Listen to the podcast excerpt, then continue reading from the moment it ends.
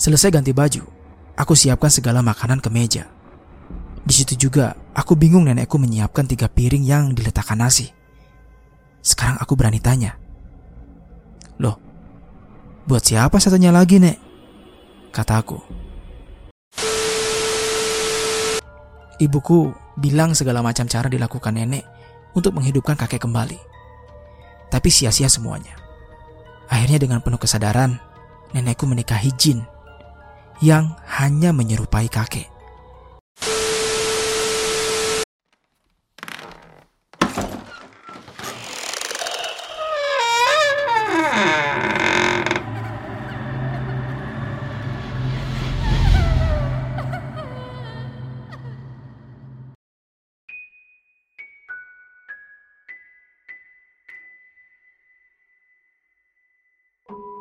Bismillahirrahmanirrahim. Assalamualaikum warahmatullahi wabarakatuh.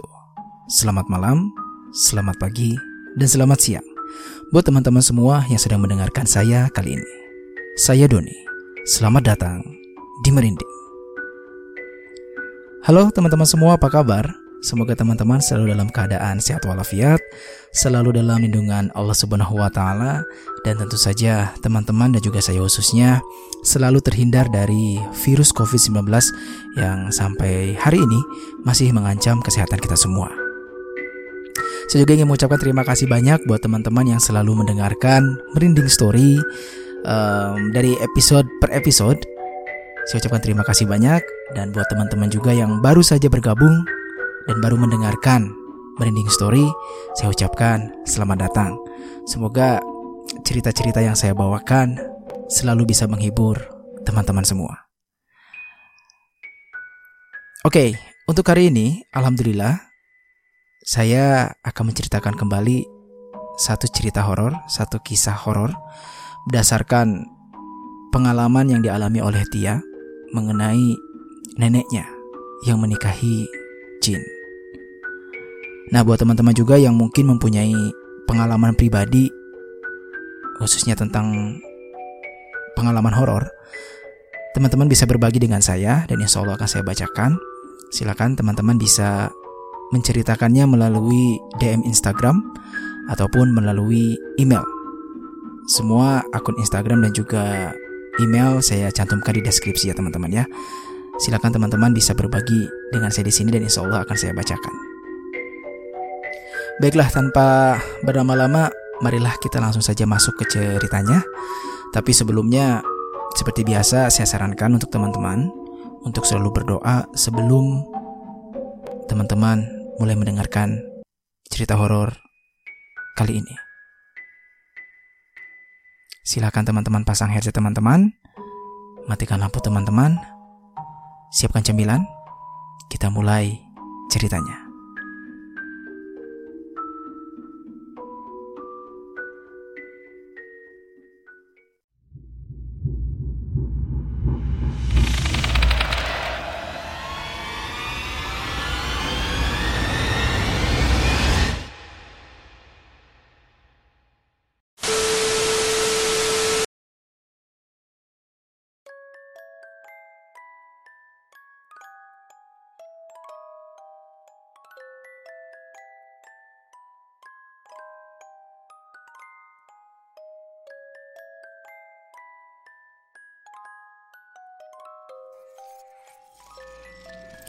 Hai, aku Tia. Kejadian ini aku alami waktu tahun 2017.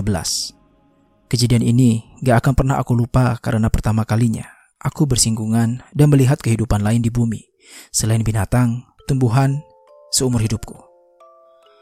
Kisah mengenai nenekku yang semenjak aku lahir, aku belum pernah bertemu dengannya. Kenapa begitu? Nanti aku akan ceritakan. Cerita yang betul-betul gak indah sama sekali. Biar aku jelasin dulu ya dari awal. Aku waktu itu dapat tugas dari tempat kerjaku di kota Semarang. Posisiku waktu itu adalah asisten manajer salah satu hotel di Jakarta. Waktu itu aku diminta jadi perwakilan mengawal sebuah acara besar dari grup hotel kami.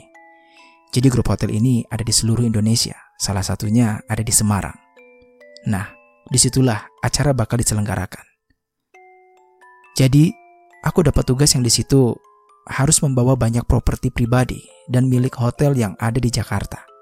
Karena terlalu banyak, aku berpikir ini bakal repot kalau harus naik kendaraan umum. Akhirnya aku putuskan untuk naik mobil pribadi saja. Dan aku akan menyetir sendiri dari Jakarta ke Semarang. Setelah fix dengan rapat dan menyiapkan berbagai hal yang harus dibawa, akhirnya aku berangkat dan sampai di lokasi acara di Semarang itu sore hari. Pas banget karena aku bisa punya banyak waktu buat persiapan acara, istirahat, dan lain-lain. Karena besok baru dimulai acaranya.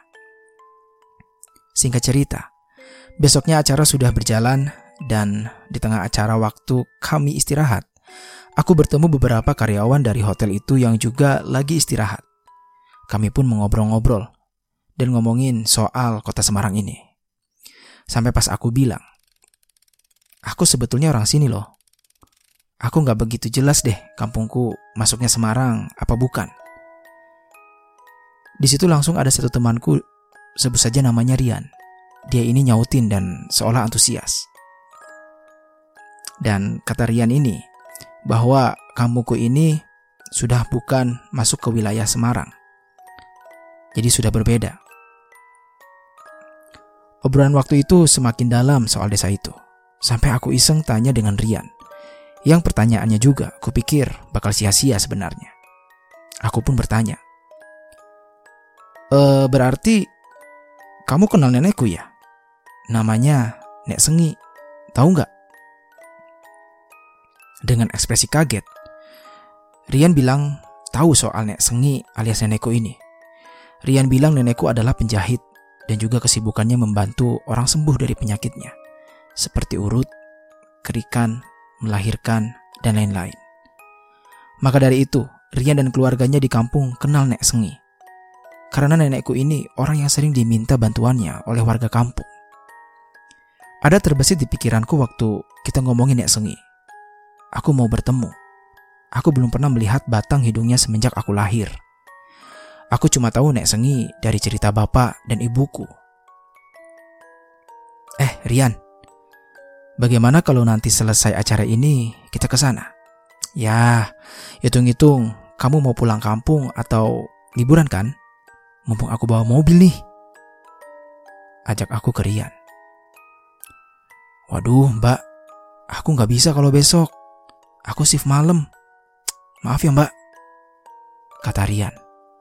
Ya sudah, aku pun gak memaksa. Aku langsung ambil keputusan buat fix ke sana sendirian. Karena waktu liburku setelah acara itu cuma dua hari. Aku harus memanfaatkan momen dengan baik. Pokoknya mbak, di sana kamu tanya Eyang Sengi rumahnya di mana ya? Karena di sana nenekmu dipanggil Eyang Sengi. Kira-kira ya perjalanan 4 jam lah ke sana. Hati-hati ya mbak. Sahut Rian. Setelah acara, hari itu juga aku berangkat sendirian menuju desa tempat tinggal nenekku yang ternyata cuma memakan waktu dua jam lebih dari kota Semarang. Tapi aku tidak tahu lokasi pastinya. Alias, aku cuma mengandalkan bertanya dengan warga sekitar saja dan sedikit bantuan Google Maps dan beberapa petunjuk patokan dari Rian. Dalam perjalanan, aku juga sambil mampir beli beberapa oleh-oleh buat nenekku seperti baju, makanan, dan segala macamnya. Beberapa kali juga aku dapat kendala karena akses menuju desa yang terbilang sulit masuk mobil. Tapi ya syukurnya, sampai juga. Setelah mau sampai, aku ditunjukkan oleh warga di mana rumah nenekku. Pertama kulihat, rumahnya asri dan rimbun. Pepohonan di depannya buat suasana jadi adem banget. Padahal, aku masih terpaku di dalam mobil. Ditambah, desa ini terletak di pegunungan jadi udaranya dingin, tapi nggak sampai menusuk. Ada tiga anak kecil yang menyapaku juga. Di pekarangan depan agak menyamping yang di sana ada rumah besar. Kayaknya itu anak dari tetangga sebelah rumah nenek. Aku pun menyapa balik, sampai ada suara nenek tua bertanya. Siapa ya? Dari ambang pintu sambil menatapku heran. Aku berdebar bingung harus menjelaskannya kayak apa karena pasti nenekku ini bingung sekali. Aku turun dari mobil dan memperkenalkan diri. Aku lihat dari raut wajah nenekku. berkaca dan segera menyuruhku masuk ke rumah. Untuk pertama kalinya, aku bertemu nenek kandungku. Segala macam jajanan pasar dan juga suguhan teh manis hangat yang nenekku buat cepat-cepat karena terlalu bersemangat menyambutku. Saat itu juga kami mengobrol dan nenek menanyakan banyak hal, dari mulai akademiku, kisah kasihku, termasuk soal bapak dan ibuku. Diceritakan juga, aku baru tahu nenek tinggal sendirian. Nenek bilang ibuku terlalu sibuk sepertinya. Jadi nenekku gak begitu mempermasalahkan kalau gak pernah datang ke sini. Nenek pikir ibumu yang datang. Tapi nenek pikir gak mungkin. Masa iya? Masih muda banget. Kamu mirip banget sama ibu Mundo cantik. Jelas nenekku yang buat aku tersipu. Setelah mengobrol, nenekku menyuruh istirahat. Nenekku juga pamit pergi belanja untuk masak nanti malam. Akhirnya aku merebahkan badan juga. Tapi ada satu hal yang buat aku bingung. Rumah ini mulai terasa pengap dan hangat. Padahal di luar udaranya dingin.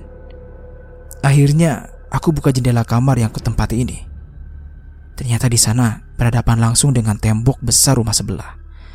Jaraknya dekat, tapi tetap bisa untuk kubuka jendelanya. Pikirku ini bakal sama saja. Gak bakal bisa angin masuk karena tertutup tembok. Dan karena gak tahan dengan gerahnya kamar ini, aku keluar kamar niatnya cari angin sekalian lihat-lihat rumah nenek. Aku lihat di rumah ini ada foto dan satu foto yang buat aku bingung. Foto nenekku dengan pakaian pengantin. Tapi duduk sendiri tanpa ada pengantin prianya. Bahkan di situ aku gak melihat ada foto kakekku. Malah banyak foto-foto orang yang gak aku kenal. Foto ibu dan bapakku juga gak ada di sana, sama sekali.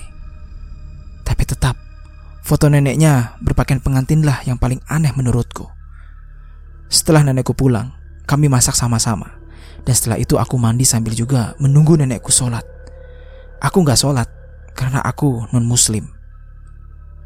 Bukannya makin segar, aku malah makin kegerahan. Ya sudahlah, aku pakai baju tank top saja, alias baju buntung tanpa lengan. Aku awalnya merasa biasa saja, lagi pula cuman ada nenekku. Jadi aku gak malu. Tapi Nenekku tiba-tiba bilang, Dok, ganti bajunya ya. Maaf, tapi kurang sopan. Kata nenekku. Oh, maaf nek. Aku ngerasa gerah, jadi aku pakai baju ini. Ya sudah, aku ganti sekarang ya. Jelas aku merasa gak enak. Jelas kamu gerah. Orang di sini ramai. Makanya ganti gih. Malu loh. Kamu diliatin tuh. Jelas nenekku yang bikin aku bingung juga terkejut. Perasaan kita cuma berdua. Kataku dalam hati. Mungkin nanti mau ada tamu. Jadi aku segera ganti baju dan balik lagi buat bantu nenek siapin makanan. Selesai ganti baju, aku siapkan segala makanan ke meja. Di situ juga, aku bingung nenekku menyiapkan tiga piring yang diletakkan nasi. Sekarang aku berani tanya. Loh, buat siapa satunya lagi, Nek? Kataku. Yo, ya buat kakekmu toh. Kata nenek. Aku pikir nenekku halu dan mengada-ngada. Ya, namanya juga orang tua. Karena setauku, kakek sudah meninggal waktu aku belum lahir. Apa mungkin nenekku menikah lagi? Tapi aku gak berani tanya. Pertanyaan itu aku simpan kali ini. Di tengah makan malam, nenek juga membuka pembicaraan. Ini londo, ini kakekmu. Sambil menunjuk ke bangku. Iya, bangku kosong tempat piring berisi nasi yang sudah dingin itu disuguhkan. Aku pun kaget dan bingung mau respon seperti apa. Karena aku memang gak melihat siapa pun di situ. Karena aku terlihat heran, nenekku menjabarkan cerita bagaimana kakekku meninggal. Jadi, Dok, dulu tahun 92 kakekmu meninggal. Setelah kakek meninggal, nenek cuma berdua dengan ibumu. Lalu ibumu juga pergi, hidup dengan pilihannya sendiri. Nenek tinggal sendiri. Setelah itu, nenek berusaha menghidupkan kakek lagi. Setelah itu kakek kembali tinggal dengan nenek, dok. Kata nenekku dengan santainya. Aku masih gak percaya. Aku pikir itu cuma bualannya karena nenek sudah tua dan kesepian. Tapi aku cuma mengangguk dan senyum menghargai saja. Setelah makan, aku dikejutkan lagi dengan perkataan nenek. Kamu mau lihat kakek Mundo? Aku sebetulnya takut dan betul-betul nggak percaya. Tapi aku juga penasaran. Dengan spontan, aku bilang, Hah, bagaimana caranya? Tapi dia takut, Nek, kataku. Gak apa-apa, sini kamu. Mereka itu baik loh. Mereka yang jaga nenek di sini. Kata nenek sambil mendekati tubuhnya dan mendekap mataku sambil merapal doa yang aku nggak paham artinya. Setelah dibuka dekapannya, aku terperanjat, betul-betul kaget. Karena rumah ini sesak. Banyak sekali orang yang berlalu lalang melakukan aktivitasnya. Juga nenekku memanggilku untuk melihat kakek yang duduk di sebelahnya.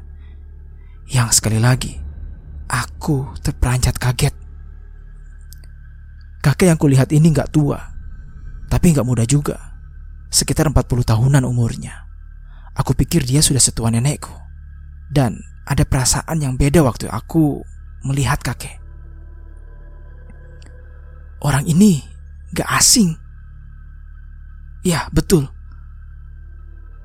Aku yakin orang ini pernah masuk ke dalam mimpiku. Bukan fisiknya yang kuingat. Aku pun lupa bagaimana mimpi itu terjadi. Tapi soal perasaan dari kehadirannya yang buat aku hafal. Awalnya di mimpiku itu, aku pikir itu bapakku. Tapi nggak mungkin, karena secara fisik sangat jauh berbeda. Kakekku memandangku seolah bahagia. Tersenyum tapi diam.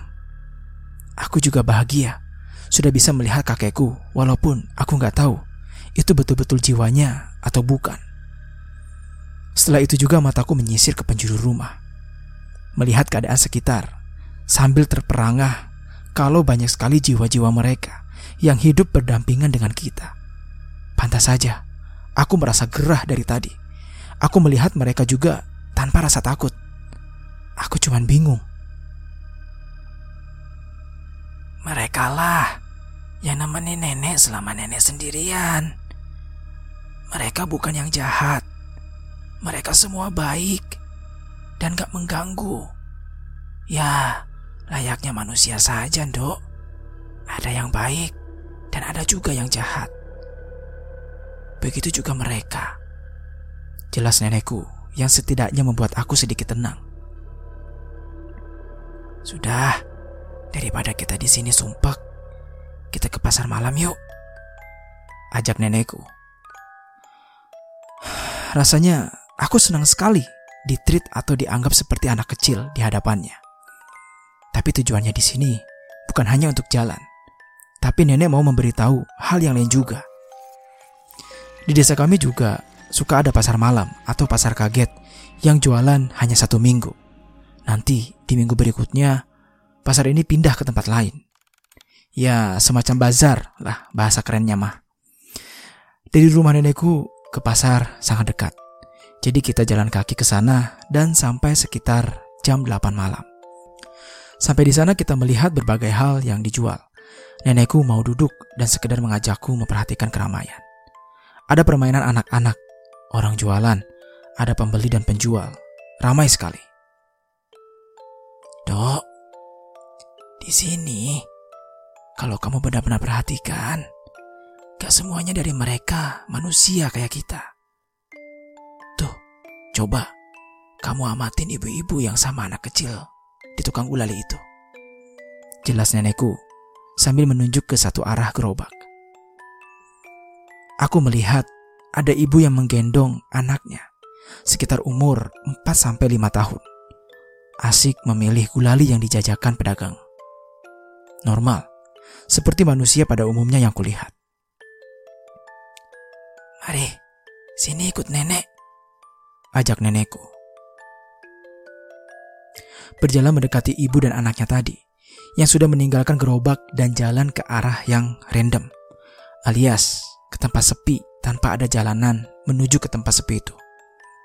Aku heran dan ngeri melihat pemandangan aneh di depanku karena ibu dan anak itu seolah berjalan melayang dan perlahan hilang dari hadapanku.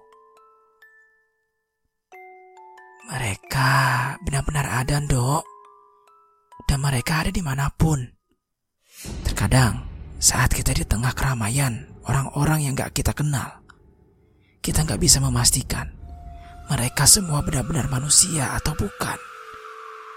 Tapi itu sebenarnya gak berbahaya dan gak ada yang perlu ditakutkan. Semua jin atau makhluk halus akan menghormati manusia jika mereka yang mendekat. Dan sebaliknya, jika kita yang mendekat, kita harus menghormati mereka. Karena mereka memang benar-benar ada, dok. Jelas nenekku yang sekarang aku paham. Sampai di rumah, sebelum tidur, wajahku dan mataku diusap kembali oleh nenek. Sambil dirapalkan mantra. Maksudnya untuk menutup mata batinku yang sudah terbuka. Tapi sepengetahuanku, kalau sudah dibuka, walaupun ditutup lagi, aku jadi makin peka dengan dunia gaib. Aku sudah merasa banyak yang gak nyaman di tempat ini semenjak nenek nunjukin segalanya. Bukan takut juga, tapi ini bukan hal yang wajar. Dan aku takut bilang ke nenek karena takut nenekku tersinggung. Rasanya aku mau cepat pulang ke Jakarta saja. Tapi memang besok adalah saatnya aku pulang. Malam itu aku balik ke rumah dan aku minta tidur dengan nenekku saja. Karena perasaan yang makin ngeri, pengap di rumah. Dan aku berharap matahari cepat terbit supaya aku bisa pulang. Dan kemudian pada paginya. Loh, loh, loh, loh, loh. Mau ke mana, dok? Buru-buru banget kamu. Suara nenekku mengagetkan persiapanku pulang. Di situ aku gak terlalu banyak siap-siap karena aku betul-betul mau segera pulang. Oh, iya nek. Aku ada kerjaan mendadak. Aku takut telat. Memang hari ini jadwalku balik ke Jakarta juga sih. Jelas aku yang akhirnya dipahami nenek. Setelah itu aku pamit dan memboyong barang bawaanku ke mobil. Ada satu hal lagi yang aneh. Aku lihat di sebelah rumah nenek, samping kanan kirinya, adalah lahan kosong. Aku pun sejenak berpikir. Terus, yang kemarin anak kecil menyapa aku siapa? Rumah besar yang menghalangi jendelaku. Aku berkecamuk sampai aku gak mau memikirkannya lagi. Cepat-cepat meninggalkan tempat ini dan naik ke mobilku. Singkat cerita sampai di Jakarta, aku cerita dengan bapak dan ibu. Ibu kelihatannya kaget dan heran, tapi gak mau marah juga. Biasanya ibu selalu melarang aku bertemu nenek dan selalu cerita banyak kejelekan yang nenek kerjakan. Termasuk kebiasaan nenekku memelihara jin sejak dulu. Dulu, kalau ibuku cerita soal jin dan keanehan nenek. Seringkali aku gak percaya dan dianggap remeh. Tapi penasaranku setelah itu mencuat. Kenapa kok nenek bisa begitu? Tanya ke ibu. Jadi gini, nenekmu itu gila pengakuan dan pujian saja. Dia ngurut, nyembuhin orang, bantuin melahirkan, dan nyembuhin penyakit kampung. Ya, Kekuatannya dia dapat dari jin.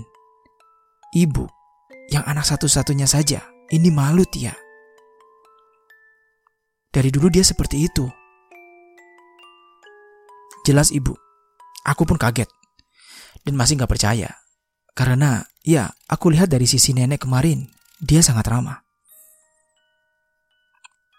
Nenekmu juga, kalau nyembuhin orang itu, gak disembuhin sebenarnya. Tapi cuma dipindahin saja penyakitnya ke orang yang gak bersalah. Jelas ibu. Aku seolah makin gak percaya. Tapi gimana pun, ibuku lebih tahu karena dia bertahun-tahun hidup bersamanya. Mengenai kakekku juga yang menurut pengakuan nenekku, dialah yang membangunkannya. Dan ternyata memang iya, karena nenekku punya rasa cinta yang gak wajar. Gak bisa menerima perpisahan. Padahal di setiap pertemuan pasti ada perpisahan, apa pun itu bentuknya. Tapi nenekku selalu tidak siap. Ibuku bilang segala macam cara dilakukan nenek untuk menghidupkan kakek kembali tapi sia-sia semuanya. Akhirnya dengan penuh kesadaran, nenekku menikahi jin yang hanya menyerupai kakek. Jadi yang aku lihat kemarin, nyatanya bukan kakekku. Nenek seolah membohongi dirinya dan menanam sugesti di pikirannya bahwa itu adalah kakek.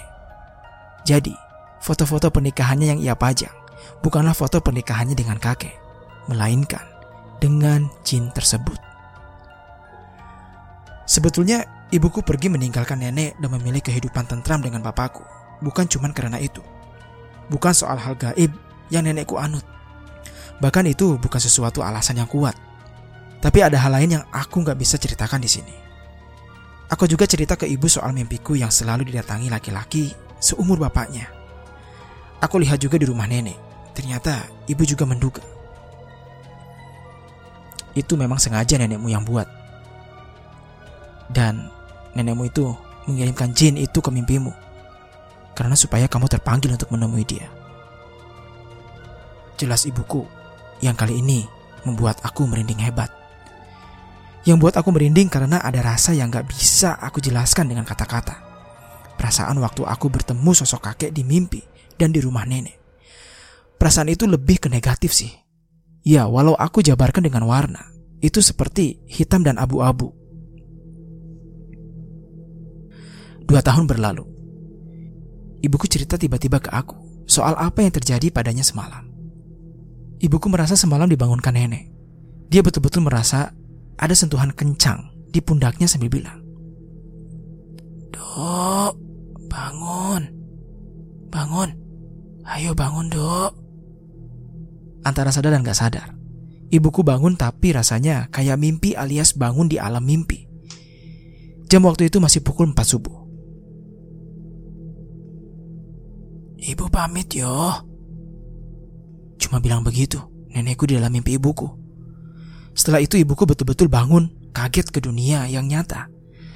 Dan masih berasa yang barusan itu bukanlah mimpi. Betul-betul nyata.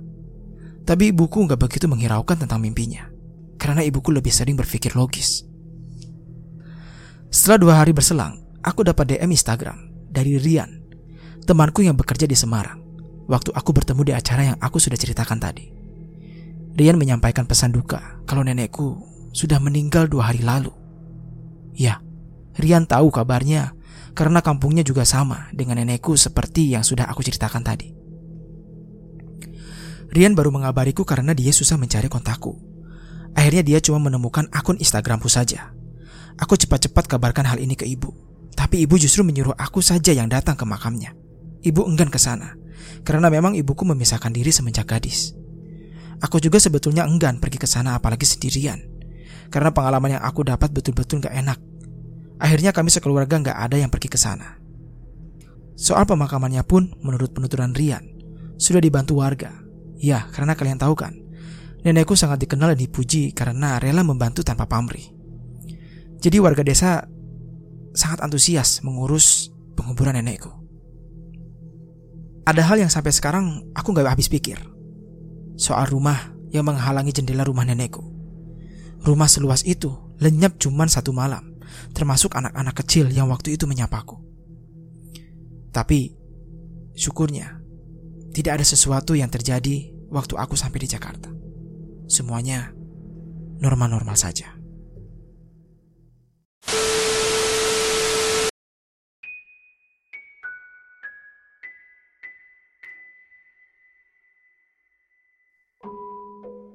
Baiklah teman-teman, itulah pengalaman yang dialami oleh Tia tentang neneknya yang menikahi jin. Semoga teman-teman bisa mengambil hikmah dari semua cerita yang saya bacakan hari ini dan tentu saja semoga teman-teman juga bisa terhibur. Jangan lupa untuk share episode ini di akun sosial media teman-teman dan jangan lupa juga follow akun Merinding Story di Spotify dan subscribe channel YouTube-nya. Baiklah teman-teman, terima kasih sudah mendengarkan Merinding Story hari ini. Saya akhiri, Doni pamit. Bila itu hidayah, wassalamualaikum warahmatullahi wabarakatuh. Akhir kata, salam merinding.